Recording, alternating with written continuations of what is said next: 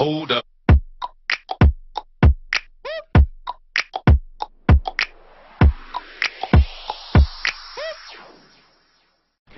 Pozdravljen, Blaž. Zdravo, Matej, lepo te videti po dolgem času.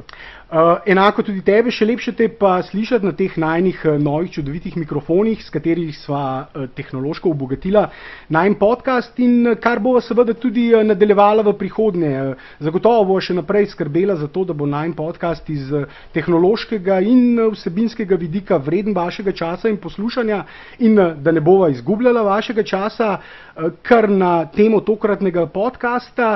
Uh, ki pa je seveda Miami hit, moštvo Gorana Dragiča, ki mu v, eh, v tem prestopnem roku še nisva, se še nisva nič posvetila, eh, nisva jih še nič omenjala, zato tokrat eh, bolj podrobno o Miamiju, o tem, kaj je Pet Riley storil v tem kakšne poteze je potegnil v tem prestopnem roku in zakaj so se odločili, da bodo nazaj pripeljali pravzaprav celotno moštvo, postavo, ki je tvorila lanskoletno lanskoletno moštvo, ki se ni uvrstilo v končnico, vendar v drugi polovici sezone eh, pokazalo, da je sposobno igrati na nivoju morda celo najboljših moštev v ligi in to je verjetno tudi v dobri meri botrovalo tej potezi Petra Ralija, ki je ponudil visoki, relativno visoki, za nekatere morda celo presenetljivo visoki pogodbi eh, Dionu Waitersu in Jamesu Johnsonu. Eh, z Ellingtonom so podaljšali pogodbo, to je bil ostrostrelec, ki je lansko leto skrbel za širjenje prostora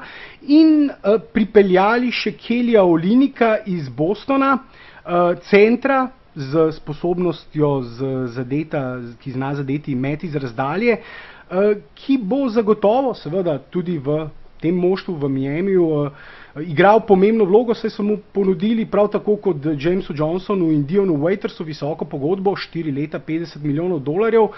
Uh, in uh, s tako pogodbo bo seveda moral igrati v moštvu pomembno vlogo in to vlogo tudi opravičiti, uh, če bo Miami želel Eh, izpolniti cilje, ki so se jih zadali, te pa so precej visoki. Eh, eh, Pet Riley je na tiskovni konferenci napovedal borbo za vrh konference, ali gre za senilno starega možakarja, ali gre za realne cilje legende, ki je sestavila že nekaj šampionskih moštev. O tem bova več spregovorila v tokratni epizodi podcasta, pogledala, kakšne možnosti ima Miami za naskok na vrh, kje bo končal sezono, najne napovedi, najne napovedi pravzaprav za celotno vzhodno konferenco, oslabljeno vzhodno konferenco, eh, v kateri, eh, kot so povedali eh, nekateri, ostaja le eden izmed 14 najboljših igralcev lige. Tako da, da ne, da ne bova že spet izgubljala časa, morda kratek intermezzo in veselo na delo. Done.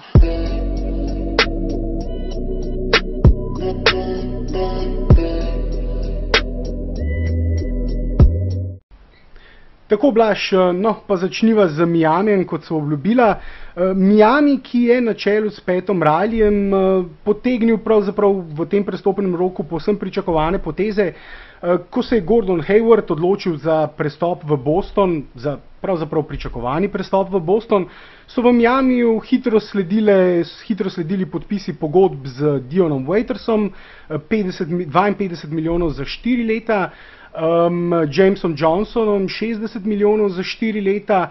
In na to še morda tista edina poteza, ki je bila presenetljiva, podaljšali so tudi pogodbo z Ellingtonom.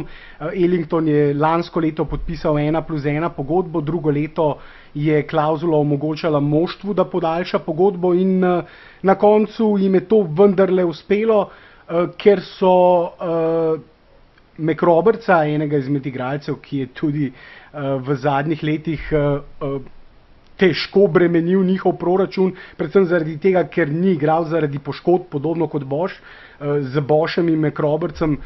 Je Miami imel v zadnji sezoni in pol pravzaprav 30 milijonov dolarjev proračuna zavezanega v dveh igralcih, ki pravzaprav nista stopila na parket in zaradi tega morda zadnja sezona, kaže na še večji uspeh oziroma ima še toliko večji pomen.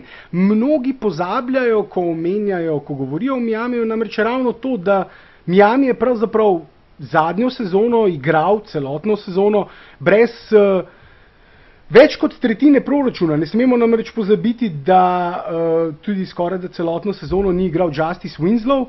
Uh, ki tudi uh, je na roki pogodbi zasluži 4-5 milijonov, tako da če skupaj zberemo vsta denar, je to 35-36 milijonov dolarjev, uh, ki, uh, ki so sedeli na klopi oziroma ki sploh niso stopili na parket v lanski sezoni in uh, to je že blizu, lansko leto je bil koliko 92 milijonov dolarjev, je bil celoten proračun, zaradi tega je uspeh še toliko večji. Vendar, kot sem dejal, nazaj so pripeljali Ellingtona, Jamesa Johnsona, Diona Waitersa, igralci, ki so pripomogli k tistemu 30-11 delnemu izidu v drugi polovici sezone, 30 zmag in samo 11 porazov in uh, naredili presenetljivo potezo, uh, potezo, ki jo je le malo kdo pričakoval, namreč dali so še ponudbo 50 milijonov dolarjev Kellyju Oliniku, uh, ki je tik predtem zapustil Boston ravno zaradi prestopa Gordona Haywarda. Namreč zaradi prestopa Gordona Haywarda se je Boston moral znebiti dveh igralcev, da so v proračunu naredili prostor za prihod Gordona. In uh, to sta bila uh, Avery Bradley in uh, Kelly Olinik 2. Ključna igralca v rotaciji Bostona lansko sezono in sicer v Bostonu sva veliko govorila že v prejšnjem podkastu in vas vabim, da si ga preposlušate, če želite več vedeti o eh, Gordonu Haywardu in kako bo on eh, deloval v postavi tistega moštva, pričakovanih napovedih Bostona za naslednjo sezono. Eh, vendar odhod, potem naknadni odhod po podkastu sta odšla uh, Avery Bradley in Kelly Olinik. Ta dva od hoda vendarle malce spreminjata celotno sliko, uh, saj gre, kot sem že dejal, za dva ključna igralca v rotaciji. Kelly Olnik je recimo na sedmi tekmi polfinala vzhodne konference proti Washingtonu bil eh, najboljši igralec Bostona. Pravzaprav lahko trdimo, da Boston ne bi videl lansko letnega, lanskega finala, letošnjega finala uh, vzhodne konference proti Clevelandu, uh, če ne bi uh, Kelly Olinik v sedmi tekmi mislim, da govorim rahlo na pamet, ampak ne bom zelo veliko zgrešil. Dal je v 25 minutah 24 točk ali 27 točk, nekaj podobnega. Um, njegov met iz igre zadev skoraj da vse trojke, 70 odstoten met iz igre, mislim, da še 4 podaje, 4 skoke. Vsekakor je bil statistično najboljši igralec srečanja, vendar ne samo statistično tudi uh, na parketu je bilo to več kot jasno, videno se je veliko večino točk dal ravno v zadnji četrtini. Če se ne motim, je 14 točk eh, dal v zadnji četrtini, zadev vse ključne koše. Uh, in ja, bil glavni razlog za to, da je Boston nastopil v finalu vzhodne konference, vendar gre za omejenega igralca. Pa začniva morda blaž, vendarle najprej, preden se dotakneva Kelija, um, povratek uh, Waitersa, Jamesa Johnsona in Ellingtona, tvoje mnenje? Ja, tako kot si že ti sam na začetku povedal, ne, več kot pričakovana poteza Petra Rajlja. Um, Waiters je, sploh se pravi, predvsem se mislim, medtem ko bom govoril, osredotočen tisti drugi del sezone, uh, kjer je pač Miami dejansko igral fantastično. Uh, je Dion igral uh, izjemno dobro v kombinaciji z Goranom Dragičem, lepo sta se dopolnjevala. Um, Dion je takrat o tem so tudi posnela podcast, končno ugotovil, da se žoga ne lima samo na njegove roke, vendar je treba včasih tudi podati. Um, je, uh, je dejansko dvignil igro na svoj nivo, ampak vseeno se mi zdi teh 52 milijonov v štirih letih rahlo riskantna pogodba, uh, predvsem zaradi tega, ker kljub tej dobri polovici sezone, ki jo je imel Dion, uh, uh, je to še vedno nedokazan igralec. Bodimo realni, Dion je imel v celotni karieri, kar je v Ligi NBA, ravno te pol sezone, ko je dejansko blestev. Uh, ali lahko ohrani ta nivo sedaj še v naslednjih letih, se pravi v naslednjih štirih letih, dobro vprašanje. To dejansko bomo videli praktično v prvi tekmi naslednje sezone. Uh, Potem je tukaj, uh, kot si že omenil, James Johnson, 4 leta 60 milijonov. Uh, mislim, da je ta pogodba rahlo, rahlo zraven tudi glede na njegovo starost, da je to kot rahla nagrada za uh, zasluge lansko sezono mogoče kaj ti je relativno visoka pogodba in James Johnson v svoji karieri ni, ni še v bistvu, mislim, da je celo, v celotni karieri zaslužil približno toliko, kolikor bo sedaj dobil v štirih letih. Je pa to izjemno dobra poteza za Miami, kaj ti James Johnson je eden izmed boljših visokih igralcev pri organizaciji igre, um, hkrati je tudi dovolj uh, versatilen, se pravi, uh, dobro lahko menjava položaje in to je tudi ena izmed stvari, ki jo je omenil Pet Riley v izjavi, potem, ko so v bistvu že sestavili uh, moštvo za naslednje sezone, je dejal, da je, so iskali igralce, ki so uh, sposobni menjati položaje. Se pravi, da se ne omejujejo na položaje, ampak so uh, sposobni postaviti kogarkoli na katerikoli položaj. In to je v bistvu tudi igra, ki je Miami v drugi polovici sezone omogočila to um, odlično serijo in to je v bistvu tudi igra, uh, s katero verjetno, neverjetno, sigurno nameravajo nadaljevati tudi v prihodnji sezoni in uh, se bo malo kasneje verjetno tudi dotaknila tega, kaj lahko pričakujemo od uh, tega moštva, kakšne, kakšne so najne napovedi za to. Um, in, pred, in pa seveda Ellington. Ellington brez njega, verjetno tega ostrostre, brez ostrostrelca, ki širi prostor, ki uh, lahko zadeva trojke v serijah, uh, Miami ne bi bil tam, kjer je bil. Um, tako da Izjemno zanimivo moštvo je, je v bistvu sestavil Miami, sploh če vemo, glede na to, kaj so vsi igralci sposobni. Sedaj je ravno še Kevi Olinik ta, uh, ta vprašaj, kje on paše v to enačbo. Ja, um, ti si se dotaknil vprašanja, seveda, kako dobre so te pogodbe, ki so jih dali Jamesu Johnsonu in uh, Dionu Waitersu. Um, vsekakor za ta sistem, ki ga sedaj igra Miami, ki ga je lanski sezoni končno začel implementiral uh, Erik Spolstra, namreč on je vedno bil trener, uh, vemo, trener, ki poudarja najprej igro v obrambi, uh, vendar v napadu je on vedno stremel, vsaj če gledamo njegova Big Three moštva, moštva z Lebronom, Bošem in uh, Wadeom, uh, so igrali hitro košarko, so igrali uh, um, uh, hitro košarko v napadu, vendar potem po odhodu Lebrona, predvsem zaradi tega, ker je Lebron seveda bil tisti, ki je diktiral uh, hiter tempo in on kot pogosto uh, kot point forward, kot dejanski organizator igre Miami, je tudi narekoval tak tempo.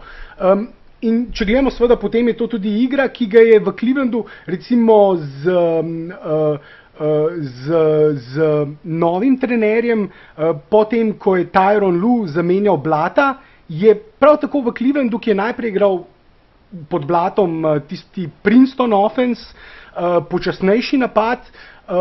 Je potem seveda Tyron Lu že spet implementiral ravno to hitrejšo igro v napadu z velikim številom trojk in to je bila igra, ki jo je uh, Spolstra gojil tudi svojo veliko trojico, na to pa po odhodu Lebrona, na to se želim navezati, eh, zadnje dve sezoni, namreč potem, ko je Goran prišel v moštvo, eh, so pa igrali, so pa sodili med najpočasnejša moštva v ligi in tukaj vidimo, da je ravno Lebron bil tisti element, ki je poganjal celoten napad, kajti Bosch in Wade sta igralca, ki želita igrati uh, počasi, ki želita um, metodično uh, obvladovati žogo na vrhu rakete, čakati, da se akcija razvije. Oba želita igrati, tudi Bosch, ne samo Wade. Oba želita igrati v izolaciji, pogosto želita, da se ima sprazne strani in odigrata ena na ena akcijo. Eh, kar pa je bil seveda napad, v katerem so, je bila večina ostalih igralcev Miami na čelu z Goranom Dragičem posem zapostavljena in seveda razlika, drastična razlika med sezono z Wadeom, pred zadnjo in zadnjo sezono, eh, ko je končno lahko igral um, pravzaprav v, vlogi, v vlogi organizatorja, ki jo je predtem dejansko upravljal Wade. Uh, če smo realni, Goran Dragič predtem v prvo sezono in pol v Miamiju niti ni igral kot organizator, vendar je igral bolj kot eh, dvojka in občasno celo trojka in eh, na mnogih tekmah eh, celo manj obvladoval žogo kot takrat v Feniksu.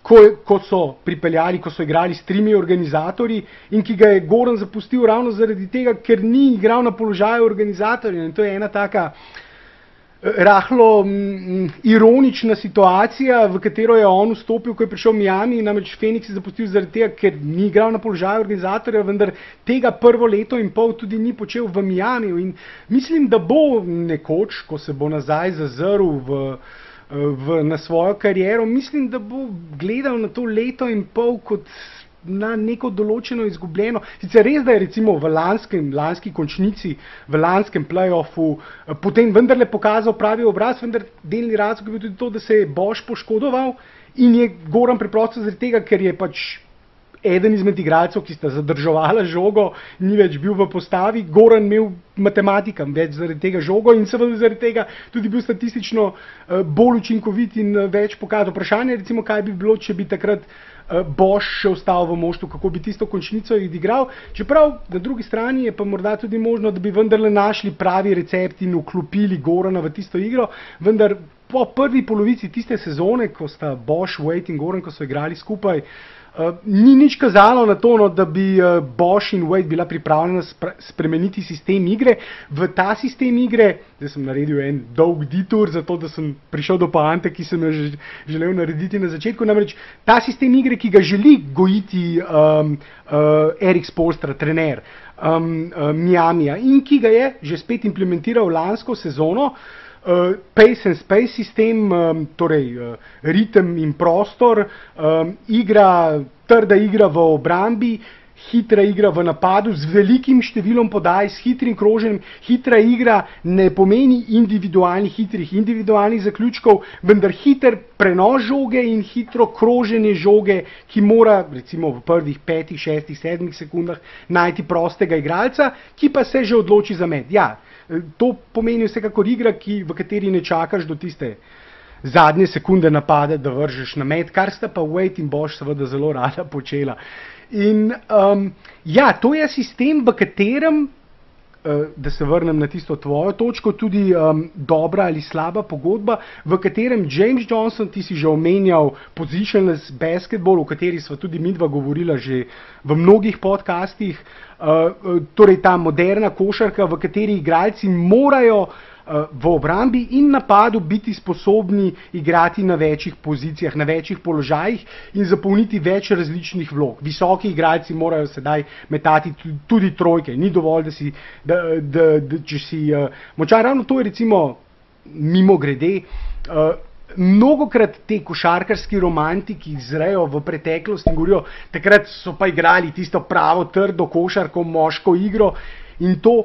Uh, vendar na drugi strani so pa tudi bili recimo igralci, ki so nekoč imeli zacementiran položaj v moštvu, tisti guni, enforceri, fizikalci, ki so bili v moštvu samo zato, da so naredili eh, kakšno trdo osebno napako, eh, da so pod košem eh, izrinili nasprotne igralce, naredili prostor, ustvarjali prostor, zapirali prostor pod obročem, da so se prerivali torej z nasprotnimi igralci. Taki fizikalci recimo danes vsaj v bolj uspešnih moštvih nimajo več um, zagotovljene vloge, oziroma sploh nimajo več vloge. Recimo, uh, danes moraš, moraš biti tehnično bolj izpopolnjen košarkaš uh, kot nekoč. To je preprosto dejstvo. Če želiš, če želiš uh, se v moštvu, če želiš v Ligi NBA postati uspešen igralec, uh, moraš biti uh, tehnično dosti bolj sposoben kot nekoč. Moraš recimo, če gledamo samo preprosto stvar, kot je met iz razdalje, nikoli še ni imel tako, tako velike vrednosti, kot jo ima sedaj. Če, nisi, če si zunanji igralec, ki ne more zadeti trojke, eh, potem moraš biti recimo med najboljšimi tremi obrambnimi igralci v ligi, da lahko uh, kompenziraš to, kar ne moreš narediti v napadu. In samo recimo tisti res najboljši obrambni igralci najdejo svoje mesto na parketu dan danes, najboljši zunanji igralci. In recimo tukaj pridejo Miami, Justice Winslow, primer, ki lansko leto Miami začel dobro igrati šele takrat, ko uh, je uh, Justice se poškodoval in ni več, bil, ni več imel mesta v peterki, uh, moral zaradi pač rehabilitacije, uh, pravzaprav ni igral, mislim, da ne samo druge polovice sezone ni igral. Nekaj več je bilo. Ja, ja. Dve tretjini, tri četrtine sezone ni igral. In uh, po tistem, ko je on igral, uh, je Miami začel igrati bolje, ravno zaradi tega že spet. Pace and space sistem, ki ga Spolstra diktira, zahteva, da igralci, zunani igralci, uh, da, da na zunanjih položajih uh, ima streljce. Uh, Winslow je bil tisti igralec, ki so ga vedno pač obramni igralci puščali v obrambi in zapirali prostor v raketi in preprečevali prodore Dragiča in Waitersa, recimo, ki sta seveda potem, ko ni bilo več Winslova v peterki, zaigrala neprimerno bolje, ravno zato, ker so se jim odprle tele poti do, do obroča, nekaj več prostora, so stvari, kjer je recimo Megruder, epizodni igralec, ki je 25-26 let igralec, 26-letni ruki lansko sezono, torej igralec, ki je moral garati, nima niti približno takega talenta eh, in fizičnih predispozicij kot Justice Winslow, vendar kar je lahko naredil, eh, je to, da je zadev kak občasno kakšno trojko. Na drugi strani seveda v obrambi imel ogromno težav, ker gre za igralca Goranove višine, eh, ki je igral na krilu in se recimo zelo dobro boril, vendar ravno zaradi tega so pa seveda recimo na koncu tudi morda izgubili končnico, ker uh, uh, so na določenih tekmah preprosto je bil mismeč na krilu z Megruderjem tako velik, recimo, kaj ne pa Megruder naredi proti Antetokumpu, ki je 211 cm visok in igra na krilu. Že Carmelo Anthony, ki je 25 kg težji, 10 cm, uh, 10 cm višji, ga je pojedel na, na eni tekmi, ki jo je Miami izgubil. In seveda ena zmaga proti slabemu New Yorku bi, bila, bi, že, pomenila, bi že pomenila končnico. Zaradi tega v tem sistemu, da ne bom. Uh, predolg, eh, ampak v tem sistemu mislim, da Waiters in James Johnson sta lahko uspešna, če bosta nadaljevala uh, s tako igro, kot, sa, kot sta jo prikazala v lanski sezoni. Če bo Waiters zapadel v to, kar si ti že omenil takoj na začetku, te, uh, ta, ta Waitersov vzorc, imel je slove sebičnega igralca, uh, igralca, namreč to je bilo tisto največje presenečenje in odkritje zadnje sezone, da vedno je bil igralec, ki je lahko prišel do obroča.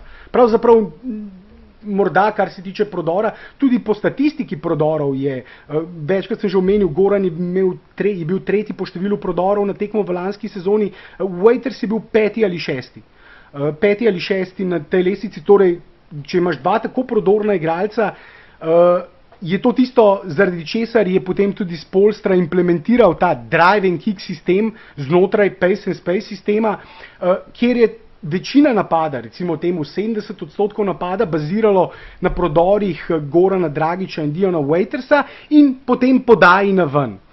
In to, to, to, kar, to je tisto, kar sem želel povedati. Waiters je v preteklosti vedno bil prodoren igralec, ki je lahko prišel do obroča, vendar potem zaključeval napade z neučinkovitimi polaganji preko recimo visokega centra ali dveh igralcev, ko so ga recimo pokrili v prodoru, ko je navlekel dodatnega igralca na sebe ni pa podajal na ven. In to je tisto, kar je spremenil, pokazal to sposobnost, jaz lahko najdem, to ni lahka podaja. To je ena izmed težjih podaj, ki jih moraš osvojiti. Recimo, lažja podaja, vsaj za me, ko igram košar, ko recimo lažja podaja v, v pick and rollu, recimo visokemu igralcu eh, pod koš, bounce podaja z odbojem, kot pa recimo podaja preko recimo večjih igralcev in rok na trojko, ki mora direktno v roke priti, da lahko igralec takoj vrže.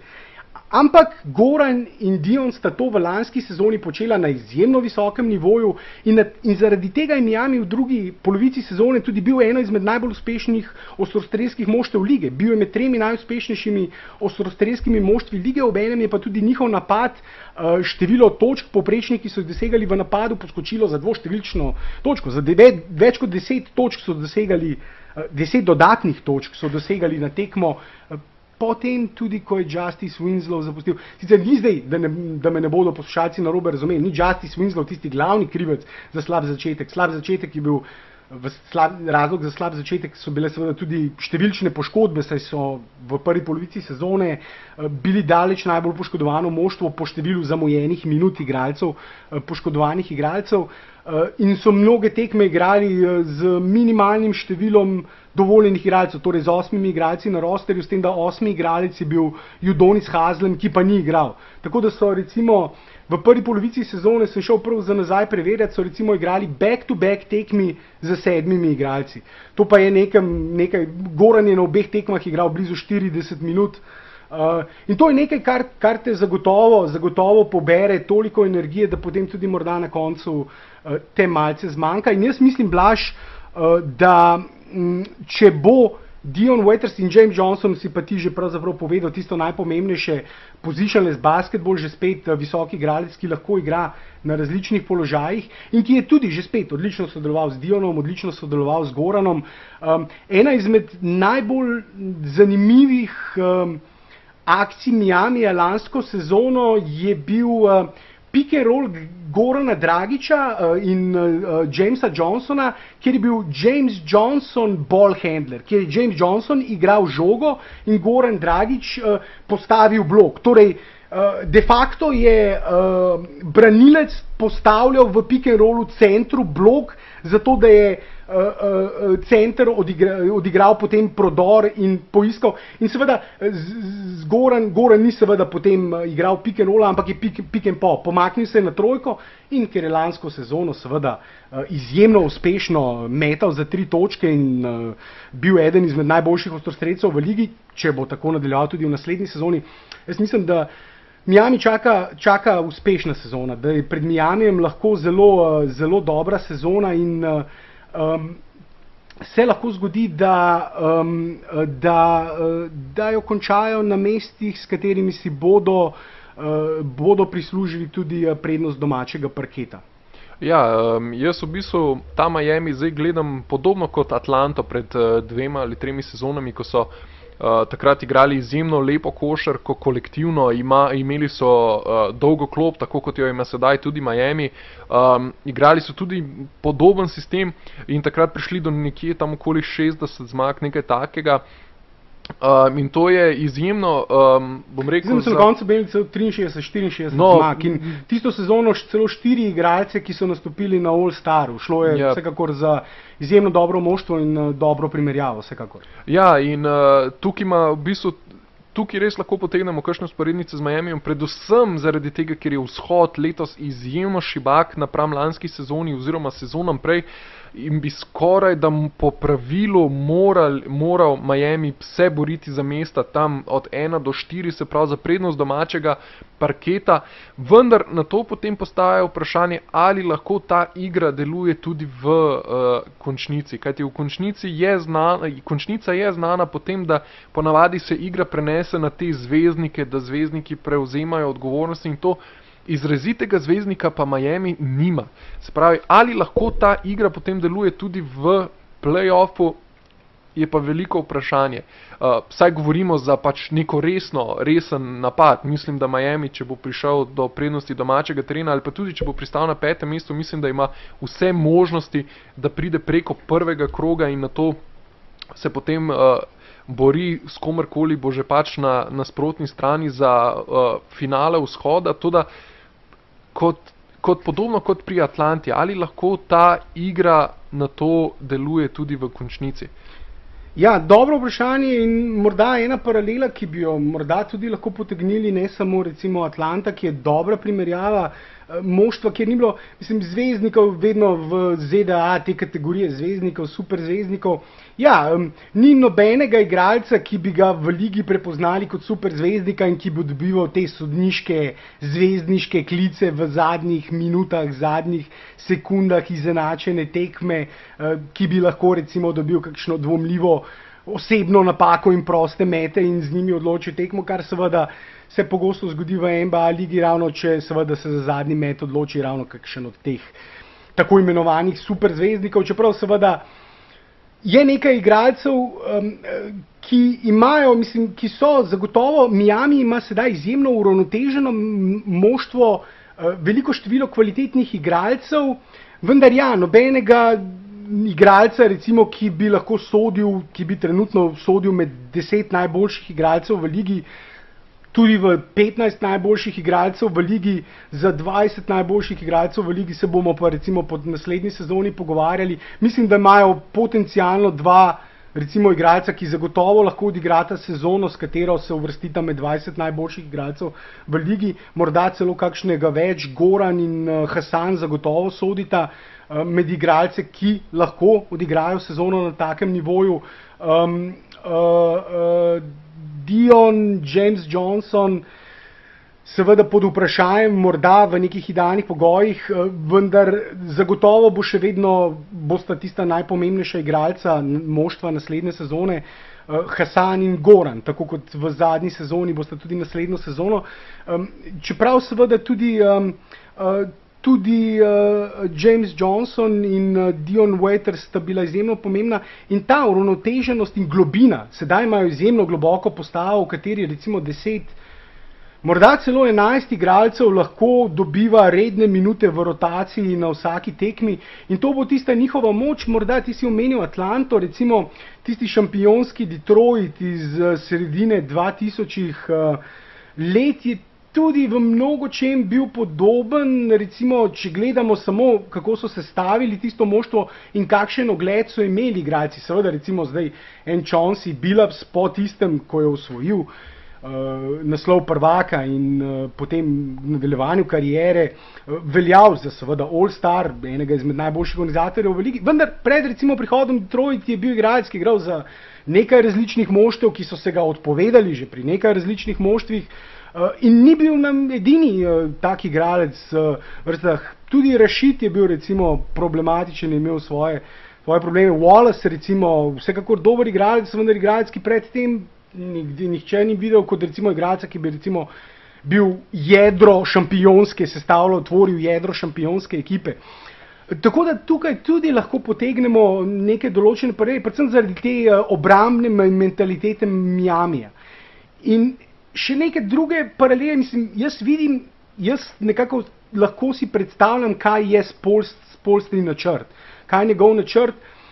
Namreč nadgraditi, vedno so igrali, Miami je vedno igral dobro obrambo, vedno je bil recimo med desetimi ali celo med petimi najboljšimi obrambnimi uh, ekipami lige, tudi lansko sezono. Uh, problem je bil pa predvsem seveda po odhodu Lebrona, tem sem govoril že precej, uh, je bil pa napad, um, na, počasen napad, napad, ki uh, ni več prinašal rezultatov, vodil ga je Wade, igralec, ki ne more zadeti trojke, ki rad igra počasi, ki rad igra v izolaciji. Torej, vse stvari, ki v moderni košaki, uh, ni rad je njegov, njegova specialnost, njegova posebnost, so meti iz pol razdalje. In vse to so stvari, ki v moderni košaki. Uh, izginjajo, izumirajo, nimajo več svojega mesta. Recimo Houston Rockets, o tem so že govorila, uh, ko je v prejšnjem tednu, uh, ko je Chris Paul prišel. Um, Celotni sezoni so vrgli nekaj deset metrov iz pol razdalje, v primerjavi s tisočimi, ki so jih zmetali izpod koša in trojk. Um, uh, tako da in, oni so recimo klasičen primer te moderne košarke, kateri stremijo vsa moštva, seveda. Uh, ne do te mere, ampak uh, na podoben način. Zato seveda v tej, uh, v, v, v, v taki košarki, um, jaz mislim, da na tem vzhodu, tako kot si ti že dejal, kjer, kjer Miami, kjer Miami ima izjemno globoko moštvo in kjer so moštva kot Indiana, Chicago, precej slabši seveda.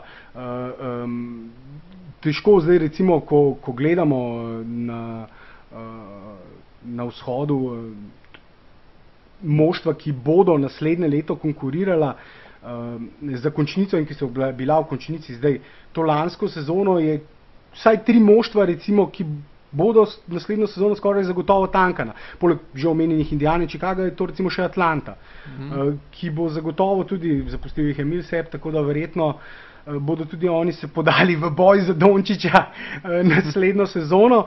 Um, zato jaz mislim, da manj kot pol finale konference uh, za Miami v naslednji sezoni uh, bi moral biti uh, neuspeh. Še posebej sedaj, recimo, ko so temu moštvu, ki je v lanski sezoni usvojilo v drugi polovici sezone, ko so bili zdravi 30 zmag in 11 porazov, zdaj ne me narobe razumeti, jaz te pričakujem, da bodo oni v novi sezoni bili moštvo, ki bo zmagalo 60 tekem. Ne, tega ne pričakujem, da bi samo podvojil to njihovo sezono, da bi 60 tekem in 22 porazov. Ne, ne pričakujem tega, vendar pričakujem, da bodo moštvo, ki se bo približalo 50 zmagam, še posebej sedaj, ko recimo, ko so temu moštvu, ki je v drugi polovici sezone 40 zmag in uh, eh, 30 zmag in 11 porazov nanizalo, uh, dodalo še Kelija Olinika, o njem sem pa že povedal. Uh, ne gre za slabega igralca, nikako ne gre za slabega. Gre za uh, stretch five igralca, centra, ki lahko zadane, pe, uh, ki lahko zadane trojko, uh, ki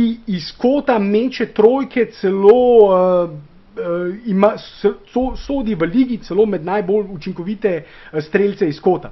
Njegovi odstotki so, mislim, da blizu 50 iz obeh uh, kotov, kar pomeni, da zadane vsako drugo trojko iz kota in um, bo seveda lahko s tem odprl ogromno prostora tem prodornim igralcem Miamija, Goranu, Dionu um, in lahko zelo uspešno igra, čeprav sedaj seveda vprašanje, ali bo deloval, igral predvsem kot rezerva za Hasana, ali bo on tista prva rezerva, čeprav 50 milijonov za igralca sklopi, je kar visoka pogodba. Ja, Vendar eh, mislim, da bo stopil iz sklopi zaradi tega, ker verjetno bo stal v prvi peterki James Johnson na štirki in uh, na položaju krilnega centra in uh, seveda Hasan na položaju centra igrala.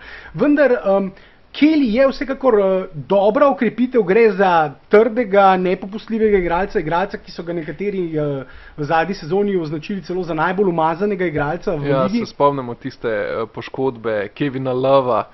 Dve sezoni nazaj v končnici, spomniš, kaj je potegnil v roko, ko mu je spahnil ramo tik pred praktično finalom. Ali pa eh, letošnji incident s Keljem Ubrejem, uh, uh, soimenjakom, ki ga je po enem izmed trdih blokov, ki je postavil, namreč to je ena izmed stvari, ki jih Olinik zelo dobro počne, postavlja trde bloke, ki jih vsak igralec, ki prebija ta blok, začuti. Uh, In uh, po enem izmed teh uh, Olinikovih blokov je Ubre uh, zašprintal do, do Olinika in ga zbil na tla, naslednjo tekmo bil zaradi tega tudi suspendiran in verjetno tudi to je malce pripomoglo na koncu k porazu Washingtona. Um, vendar ja, Kelly Olinik je igralec, ki bo zagotovo pomagal moštvu, čeprav moram priznati, da predvsem zaradi tega ne razumem, uh, na draftu so izbrali uh, Bema Adebaja, krilnega centra, centra izjemno fizičnega igralca, mnogi ga, mnoge spominja na Dwighta Howarda, predvsem po um, malce manjšega Dwighta Howarda, da se ne bomo razumeli, ni, ni, ni nekaj centimetrov nižje, 207, 208 je visok, tako da ima bolj višino za krilnega centra, vendar, um, vendar je pa močan, izjemno močan igralec, zato lahko igra tudi uh, na centra in v poletni ligi je igral zelo dobro um, občasno zadev celo kakšno trojko, pokazal malce, čeprav na univerzi ni čisto nič metal trojk. Uh, vendar uh, je pokazal, da ima uh, malce meta tudi na univerzi, uh, proste mete, njegovi odstotki s prostimi meti so bili zelo dobri in ponavadi pravimo, recimo, da uh, odstotki prostih metov v mlajših letih so nekak dober indikator tega, če bo nekdo dober strelec potem, ko se razvije v, uh, tudi v članski konkurenci. Uh, Um, in um, uh, ja, bla, ne vem, Blaž, da ne bom uh, nadaljeval, kaj bi še ti uh, o Oliniku uh, povedal.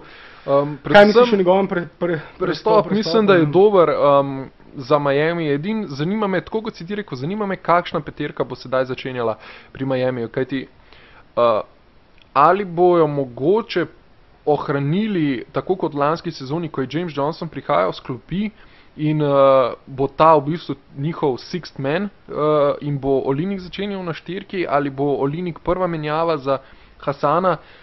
Dejansko po pravici povedano se mi ne sanja, ka, kakšen plan imajo s, tem, s temi igrači, predvsem zaradi tega, ker ti Olinik na štirici mislim, da to lih ni najboljša, najboljša predvsem iz obramnega vidika. Morda Olinik ja. ni ravno najboljša uh, opcija na štirki, uh, vendar dejansko ne vemo, kaj ti tudi Pet Rajli, ko so ga vprašali, kam paše Olini, ki je enostavno rekel, uh, ne, ne uh, omejujemo se na položaje, uh, igrajo lahko kjerkoli. Dejansko, bo, dejansko me zanima, kaj ti oba igralca v bistvu imata takšno pogodbo, da je zelo težko verjeti, da boste začenjali na klopi eden izmed njih sigurno bo, razen če ima morda spolstra namen uh, Jamesa Johnsona predstaviti na trojko in da bo začenjal na trojke, vendar to je že ogromno viso, ogromna postava, izjemno višino, hkrati pa so zelo počasna postava. Uh, kaj dejansko bo zanimivo videti. Dejansko po svoje se že veselim tiste začetka, tistih prvih pripravljalnih tekem, ko se bo že nakazovalo, kaj dejansko Miami oziroma Spolstra načrtuje za naslednjo sezono in resnično me zanima, kako misli vse te visoke igralce inkorporirati notri v ekipo. Ja, um, zanimivo je to, recimo Miami ima, ko so govorili o njihovi globini, uh, o izjemno globoki rotaciji. Uh, Miami ima uh, izjemno globoko centrsko rotacijo na krilnem in uh, petki, na štirki in petki. Uh, ima izjemno globoko branilsko rotacijo na enki in dvojki, uh, tudi tukaj ima 4-5 igralcev, ki jih lahko uh, rotira, ima pa luknjo recimo na trojki, na krilu. Na krilu pa je tisto, zaradi tega, to, ko si recimo omenil možnost, da bi Hasan, Olinik, James Johnson na trojki potem uh, in seveda Goran in Waiter sta že zacementirana na položajih 1 in 2, uh, to je že jasno, da bosta začenjala. Um, uh, pravzaprav, kar je sedaj jasno, je, da bosta Goran in Waiter, seveda, kot omenjeno, začenjala na položajih 1 in 2 uh, in da bo Hasan začenjal na položaju centra. Uh, položaje 3 in 4 še nista določena. In ja, jaz dvomim, ravno zaradi tega, ker si ti, kar si tudi ti povedal, uh, obramba. Olinik je preprosto prepočasen, da bi pokrival, še posebej v današnji dobi, uh, ko ni uh, dominantnih visokih igralcev, ko radi igrajo small ball, ko pravzaprav trojke igrajo štirke in štirke igrajo petke. Um, ali pa trojke igrajo petke, če gledamo Golden State Warriors, kjer pravzaprav recimo Draymond Green je po izobrazbi v ligo prišel kot, uh, kot krilo, kot krilni igralec, vendar pogosto seveda v, v, v, v postavi uh, Golden State igra um, uh, ne niti point forwarda, se pravi štirko, ki igra kot organizator, vendar center forwarda. In to je bila recimo tista akcija, ki, na katero sem jo že omenjal pri Miamiju, ko recimo Miami igral small ball in tudi v tistem small ballu lansko sezono se je recimo zgodilo, da je Miami igral z Jamesom Johnsonom na položaju centra, da je bil on najvišji uh, igralec v, v peterki na parketu. Zaradi tega ja, je zelo Zanimivo vprašanje. Jaz, jaz mislim, da bo uh, James Johnson začenjal na položaju krilnega centra na štirki in da bo na trojki začenjal ali Justice Winslow ali Rodney McGruder. To je pa pravzaprav njihova celotna rotacija na trojki. Edina dva igralca, edina igralca, ki uh, lahko igra s tem, da tudi Rodney McGruder recimo ni, kot sem že dejal, ni krilo, on je predvsem manjši, vendar je izjemno borben igralec. Um, um, njegov vzdevek v vrstah Miami lansko sezono je bil The Scavenger. ravno zaradi tega, ker je pač si nekako izboril tisto žogo v skoku, kljub temu, da je bil recimo najmanjši pod košem, ki so se od igralcev, ki so se borili za žogo, je nekako vendarle končal z njo. In um, zato jaz mislim, da ja, verjetno bodo po mojih sedanjih predvidevanjih, jaz mislim, da bodo začeli z Justiceom Winslowom na trojki in Jamesom Johnsonom na štirki, Hasanom na petki. In uh, uh, potem bodo videli, če bo uh, Winslow sposoben zadeti uh, odprte mete, če bo njegov met boljši kot lansko sezono, ki je bil eden izmed najslabših uh, metalcev, streljcev v, streljcev v Ligi NBA. Uh, še posebej pri odprtih metih obstaja prav statistika za open shots, kjer v dva metra v bližini ni nobenega igralca, medtem ko mečeš. In uh, njegova statistika pri uh, neuviranih metih je bila katastrofalna. Mislim, da je 14 ali 13 odstotkov odprtih metov zadev, kar je uh, dobri streljci so nad 50, pravzaprav tudi pri trojkah. Um, uh, tako da, uh, in seveda s takimi odstotki on ne bo moral, mogel igrati v peterki. Um, Uh, če pa se bo dokazal, da je sposoben zadeti kakšne trojke, je pa v obrambi vendarle je dovolj visok, on pa je tisti igralec v vrstah Miamija, ki ima potencial za recimo da nekoč se prebije v celo morda v eno izmed najboljših obrambnih peterk lige in ki lahko zaustavi uh, najboljšega krilnega igralca nasprotnika, se pravi vsa ta nevarna krila, ki sedaj privladujejo v ligi, Lebron, Kawhi, Durant, uh, pošasti, ki uh, pojejo nasprotno obrambo. Rabiš igralca, ki lahko, ki je na eni strani, po eni strani dovolj hiter, da, da, lahko, da lahko sledi tem igralcem in dovolj močan, da ga ne morejo zlorabiti uh, pod obročem. In, uh, Winslow je tak igralec, ki lahko uh, je igralec, ki ima potencial za odličnega obrambnega igralca in ki lahko, uh, ki lahko uh, to tudi pokaže v naslednji sezoni. In, um, bo, bomo videli, začetek sezone bo pravzaprav ponudil odgovor na to, kdo bo igral na trojki. In ja, jaz mislim, da bo vendarle Olinik prihajal. Uh, v igro sklopi in si le stežka predstavljam, da bi recimo izjemno veliko število minut na parketu skupaj prebila Hasan in Olnik. Mislim, da bodo to samo izjeme za posamezne mečape, za moštvi, ki bodo recimo lahko ponudile, eh, lahko napadle Miami z neko izjemno visoko sprednjo notranjo linijo. Um, in uh, nekaj takih moštev je, seveda, in takim moštem se bodo lahko dobro. Kar, kar Miami ima sedaj, to, kar smo že govorili, uh, globino, s katero se lahko prilagodi na vsak stil igre. Če jih nasprotnik napade z uh, visokimi igralci, uh, lahko ukrepijo uh, vrste pod obročem. Če jih napade z unanimi igralci, small ball, lahko postavijo na parket uh, uh, peterko, kjer je vseh pet igralcev sposobnih zadeti trojko. Um, in um, to, to, to bo seveda ja, na tem šipkem vzhodu uh, izjemno veliko. In jaz, tako kot sem dejal, jaz mislim, da vse, kar bo manj kot pol finale vzhodne konference, uh, bo moral označiti za neuspeh, uh, za neuspeh naslednjo sezono. Ja, in uh, jaz bi v bistvu se kar pridružil tebi pri tem. Dejansko, kot sem tudi sam povedal, polfinale vzhoda, mislim, da je to, uh, mora biti cilj tega moštva.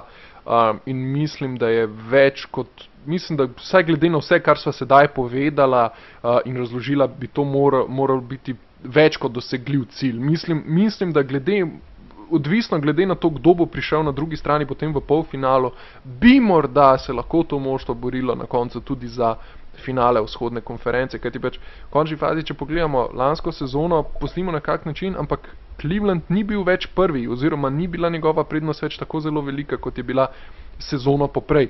Um, Boston sicer se je okrepil, z Gordonom Haywardom, vendar ali bojo našli to kemijo, ki jih je krasila lansko sezono, da bodo v bistvu še nadgradili to svoje.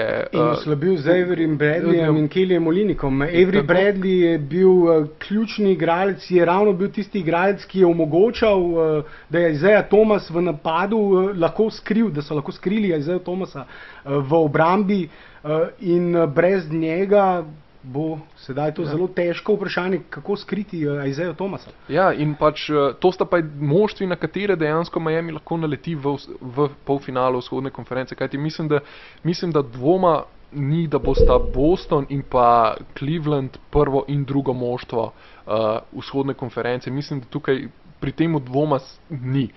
Vprašanje je samo, kdo bo prvi, kdo bo drugi in na koga bo glede na svojo potem pozicijo v play-offu naletel Miami. Ja, jaz, jaz mislim, da mislim, stri, zdaj ni dvoma. Jaz, jaz imam rahu dvom v Boston. Mislim, da bojo dobri. Vsekakor na tem vzhodu s takim moštvom Gordon Hayward je uh, uh, ravno tip igralca, ki so ga potrebovali.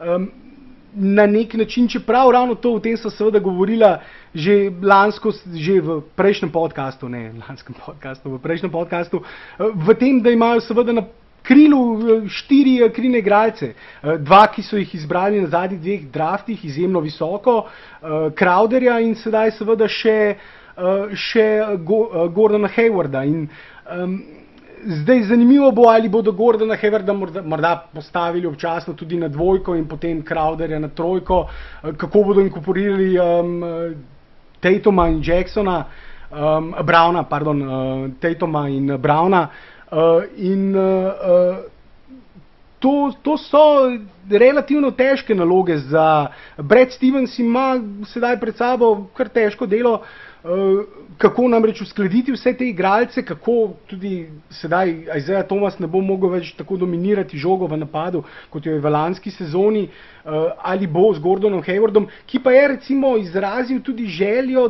po večjem številu metov, več je želel, recimo to je bila ena izmed teh števil, lansko sezono je tam nekje približno 16 metov na tekmo, na srečanje vrgel, uh, Isaiah Thomas blizu 20, uh, tako da Gordon Hayward želi več, se pravi, želi blizu, verjetno 20 metrov, to pomeni že 40 metrov samo med dvema igralcema. Uh, to je predvsej uh, napad, ki je predvsej uh, zelo, zelo koncentriran, no, skoncentriran na le dva igralca. In um, Boston je, poleg seveda Izej, ki je bil tisti dominantni, je na to imel žogo, je zelo bila razporejena, napad bil precej dobro razporejen med vse igralce. Sedaj seveda ne bo to, bo tisti, bo verjetno. Uh, ravno uh, Hayward pobral pač vse tiste preostale žoge in bo zanimivo, zanimivo videti, no, kako se bodo uskladili. Uh, um, tako da mislim, da bodo na začetku sezone zagotovo potrebovali nekaj časa, da najdejo tisto pravo kemijo, kot si tudi sam dejal. Zato, vsekakor, sedaj v tem trenutku so največji kandidati uh, Cleveland in Boston za prvi dve mesti, tukaj ni nobenega dvoma. Uh, vendar, če recimo v Cleveland niti ne dvomim, mislim, da ni nobenega dvoma, da bodo končali ali prvi ali drugi, vse je vprašanje, kako motiviran bo Lebron v rednem delu sezone, zato da konča prvi ali drugi. Lansko sezono se je seveda sam odločil, da bo, uh, da bo, da bo na koncu iz drugega mesta napadal finale čisto vseeno, ker so seveda na koncu povozili uh, Boston z rekordno visoko razliko. In tudi recimo po tem prihodu Gordona Haywarda, jaz ne mislim in seveda odhodih Bradleya in Olinika, se meni ne zdi, da se je razlika med Bostonom in Clevelandom močno zmanjšala. Da bo recimo naslednjo sezono, pa sedaj v finalu konference, potencialno Boston, pa se dosti bolj resno upiral. Ne, jaz tega moram priznati, da še posebej s temi odhodi. Uh, ne vidim, predvsej bi, mislim, bolj smiselno, recimo, bi, bi se mi zdelo, če bi, bi recimo moštvo zapustil Crowder, uh, ker imajo potem še vedno dva odlična rukija za uh, Gordonom Haywardom na, tej, na tem istem položaju, uh, kot pa Bradley. Zdi se mi, da, ima, da je imel Bradley v tem moštvu večjo, čeprav že spet Crowder ni slab igralec. Boston je bil dober zaradi tega, ker je imel izjemno dobre roleplayere, igralce, ki so vedeli svojo vlogo in to vlogo tudi izjemno dobro upravljali. In Crowder je bil tak igralec. Zato, da ne bom izgubljal preveč časa s Bostonom, eh, Bostonom sva že veliko govorila in bo zagotovo še veliko govorila. Vendar ja, jaz nisem tako prepričan v Boston, recimo kot v Cleveland, da bo prvi dveh, ampak recimo. Da, strinjam se, recimo na prvih dveh mestih Boston, morda potem Washington eh, na tretjem mestu, čeprav v letošnji sezoni, pravkar minuli sezoni, uh, je Miami uh, štirikrat premagal uh, Washington.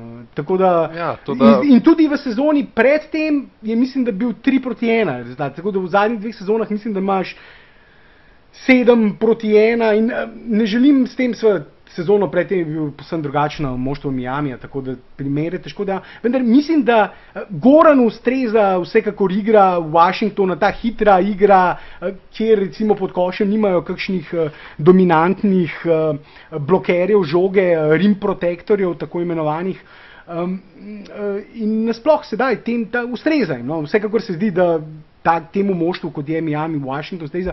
In uh, ne bi bilo nobeno presenečenje, če bi jih premagali ne samo v rednem delu sezone in si pač končali pred njimi na lestici, vendar tudi v končnici.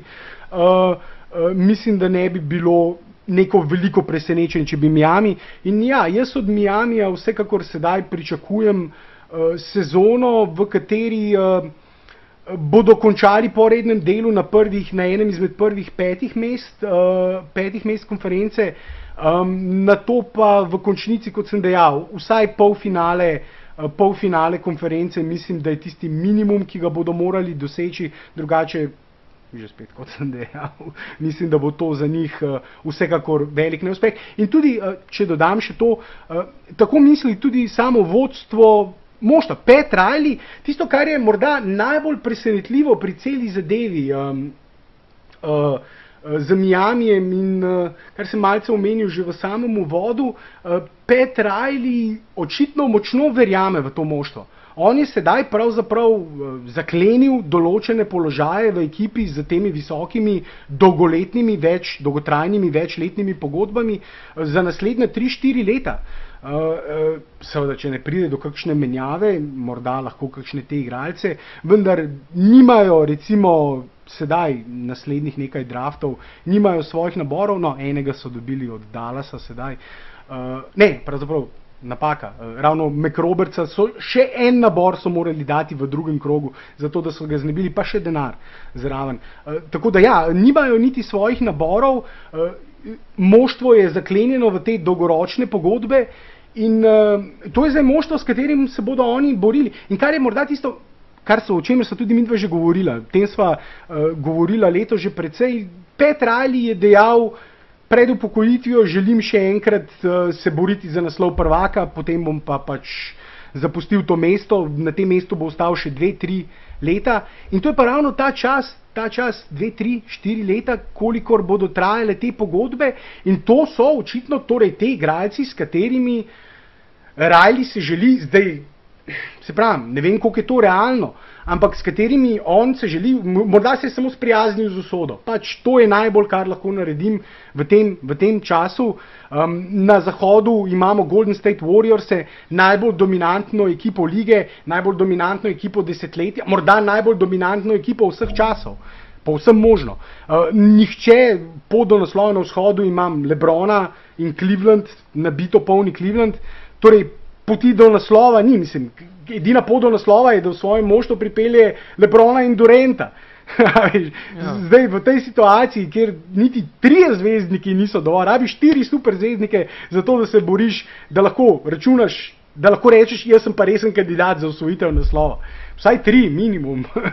In ja. v, taki, v taki situaciji je morda Rajli tudi ocenil, da poti do naslova ni in bo sestavil samo najbolj konkurenčno moštvo kolikor, mogoče, kolikor je mogoče eh, v tej situaciji in se bo s tem možtom podal boj, potem pa nikoli ne veš. Morda se eno sezono Lebron poškoduje. Videli smo pa že Cleveland brez Lebrona, je pa, je pa isto kot je bil Cleveland, ki ga vodi Kajri, je Cleveland, ki ga je vodil Kajri takrat, ko je, Cleveland vsako, ko je bil Cleveland vsako leto med zadnjimi tremi ekipami, med najslabšimi tremi ekipami v ligi in izbiral na koncu prvi na draftu.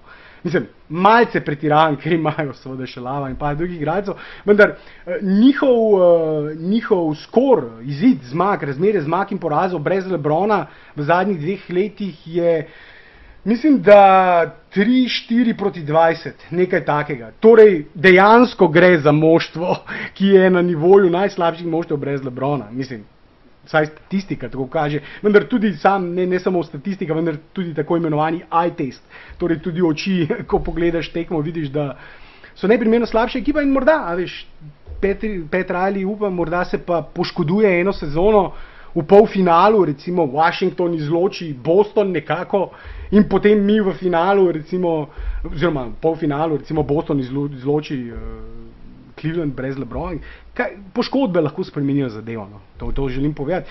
Um, ampak ja, Petra ali očitno verjame v to ekipo. To je ekipa, s katero se bo on boril naslednje štiri leta, to je ekipa, s katero bo Goran Dragič. Goran Dragič je v Miami odšel zato, uh, da se bo boril za naslov prvaka. Zato, da se bo boril za naslov prvaka, je bil pripravljen žrtvovati tudi uh, ogromno statistike in požreti uh, še pa še kritik. Uh, Navijačev, seveda, ki, um, ki so tako podobno. Ta njegova vloga, ki jo je imel, tisto najbolj nehvaležno vlogo v košarki, je verjetno ta uh, tretja, uh, tretja opcija na, v resnično dobri ekipi. Torej, ista vloga, kot jo recimo Love sedaj igra v Clevelandu, kot jo je Bosch igral v Miamiju in tudi tako kot so Gorana, ko je bil tretja opcija za Boschem in Wadeom, uh, ogromno kritizirali. Statistika je bila seveda posledično tudi slabša. Uh, tako so seveda tudi na isti način Lava kritizirali, kritizirajo še vedno um, uh, Boša kritizirali na veliko, um, celo dobil na dime, ko je prestopil iz Toronta v Miami, je dobil Spice Bosch. Zaradi tega, ker, ker um, so njegovo število, njegovo število, predvsem skokov, je padlo izjemno veliko. Zakaj? Zaradi tega, ker je seveda moral metati trojke, ker so v tistem moštvu zahtevali, da igra vlogo te stretch floor ali celo stretch five, centra, ki s trojkami širi prostor, ampak če ti mečeš trojke, bo zelo težko ujel kakšen skok v napadu. Zaradi tega seveda neposvečeni ljudje, ki ne spremljajo košarke, ki ne poznajo košarke, hitro samo pač pogledajo tiste osnovne številke in, in na svojem osebnem Twitter profilu profilu ali Facebooku spluvajo igralce, vendar uh, tako pač je. Uh, tudi v naslednji sezoni uh, mislim, da, ne, kot sem dejal, ne samo vodstvo moštva, vendar tudi samo moštvo, mislim, da ima izjemno visoka pričakovanja, mislim, da bo izjemno motivirano vstopili v sezono, uh, mislim, da jih še vedno peče tisti. tisti Na koncu ste imeli isto zmago v Chicago, vendar je Chicago zaradi zmag na medsebojnih tekmah uh, uh, odšel v končnico. In s tem, da je recimo Chicago imel dve tekmi doma, Miami pa samo eno tekmo doma. In je ravno tista domača tekma Chicaga odločila to, kar na, na koncu niti ni ravno najbolj fair v tem pogledu.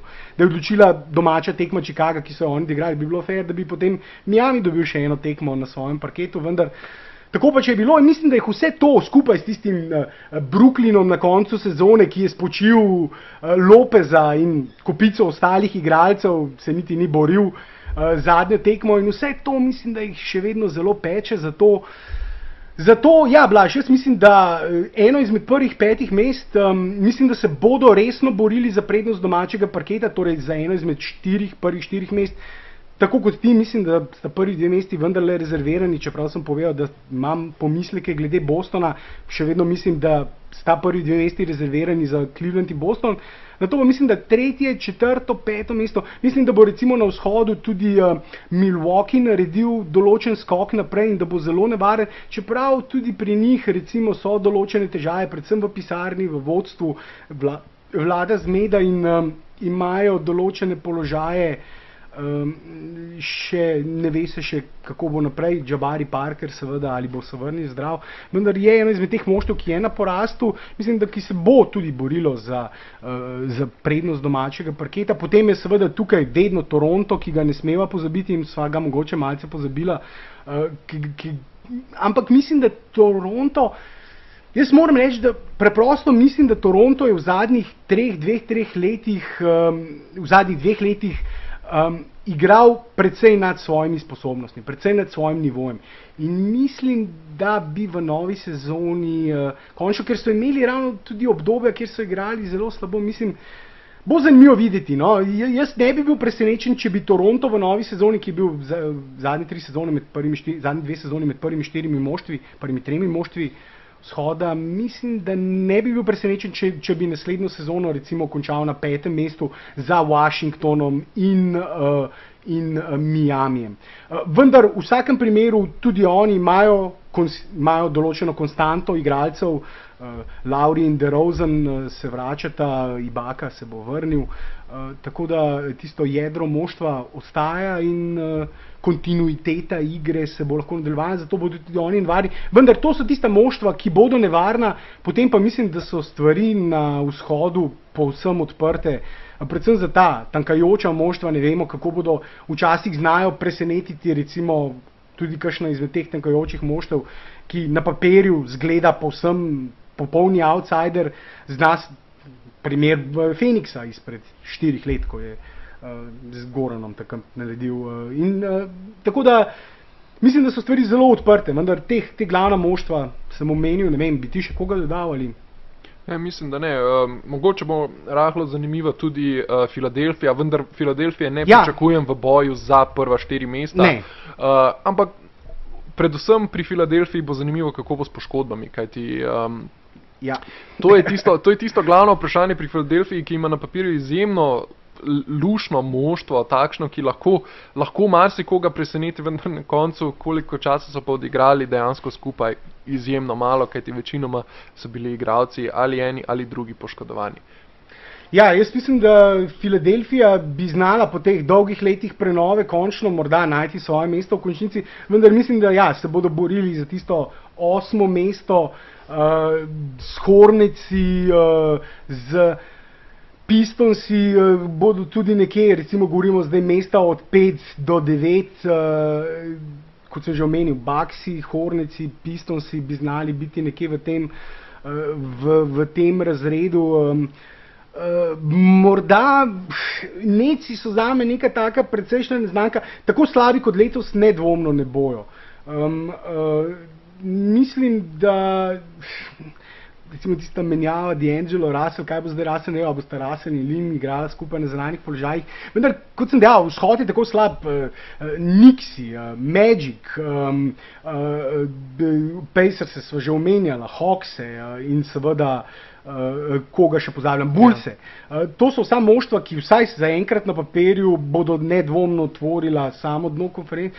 Uh, ne samo dno konference, mislim, da celo dno lige dno lige, tudi ja, in mislim, da bi neci recimo lahko bili boljši v novi sezoni od teh moštov, zaradi tega seveda sumim, da se znajo boriti celo morda, ker je, ker bo vzhod toliko slabši celo za tisto osmo mesto. Tako da ja, vzhodna konferenca, kar sem že omenil, od 14 igralcev, zanimiv podatek, od 14 uh, uh, najboljših igralcev lige, od 14 all-star igralcev, uh, oziroma ne, pardon, od 14 najboljših igralcev, uh, glede na ESPN-ovo lestvico najboljših igralcev, pač ena izmed lestvic, uh, sedaj na vzhodu ostaja samo še en igralec, LeBron James. Ostalih 13 od teh 14 igra, uh, igra na zahodu, uh, 15 igralec na njihovi lestvici je pa Wall, John Wall uh, iz Washingtona, tako da on, on ostaja in uh, uh, bo zanimivo videti zdaj vzhodno konferenco. Na eni strani divji zahod, mesarsko klanje, ne boj, mesarsko klanje, bi se reklo temu, na drugi strani vzhod. Uh, Uh, meditacija, ptički čivkajo, sprehajamo se po gozdu, boso nogi, gremo na piknik na vzhodno konferenco. Uh, ja, ne vem, ja, kaj misliš? Ne, predlagam en kratek intermeco. Pa... Mislim, da bo to za tokratni podcast kar dovolj, namreč ja. Eh, zapolnila smo že več kot eno uro časa. Eh, tako da bo za katerega od prihodnih podkastov uh, prihranila še temo, uh, kakšno drugo temo, govorila sva Lakerse. Ja, predvsem se bova nasplošno dotaknila zahoda, tega divjega zahoda, ja. verjetno kar v naslednjem podkastu. Morebitne uh, prestope tudi obdelala, ja. morebitne prestope Lebrona, ki bi znal prestopiti morda v Lakerse naslednjo sezono. Uh, spregovorila bo tudi o Golden State Warriorsih, uh, Clevelandu, uh, malce bolj podrobno v kakšnem od naslednjih podkastov torej o kandidatih za naslov prvaka, eh, o tistih najboljših moštvih lige, eh, o vsem tem še v katerem izmed prihodnih podkastov, sedaj pa samo intermeco in eh, se posloviva. Down.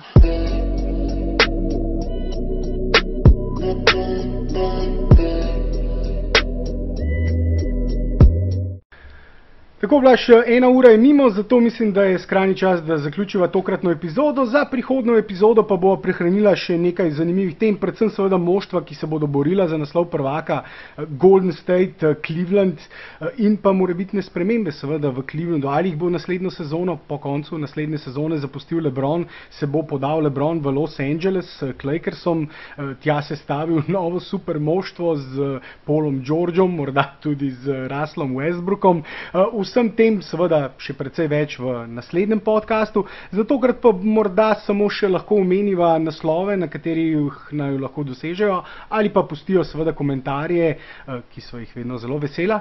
Uh, seveda na uh, Facebooku NBA Slovenija, uh, na Twitterju sportinfo.si in pa seveda najna spletna stran sportinfo.si, uh, ki bo deležna prenove v kratkem, um, tako da bi še kaj dodal.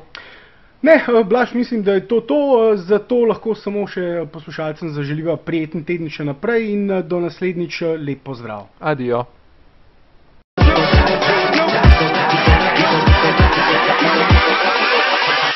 Hold up.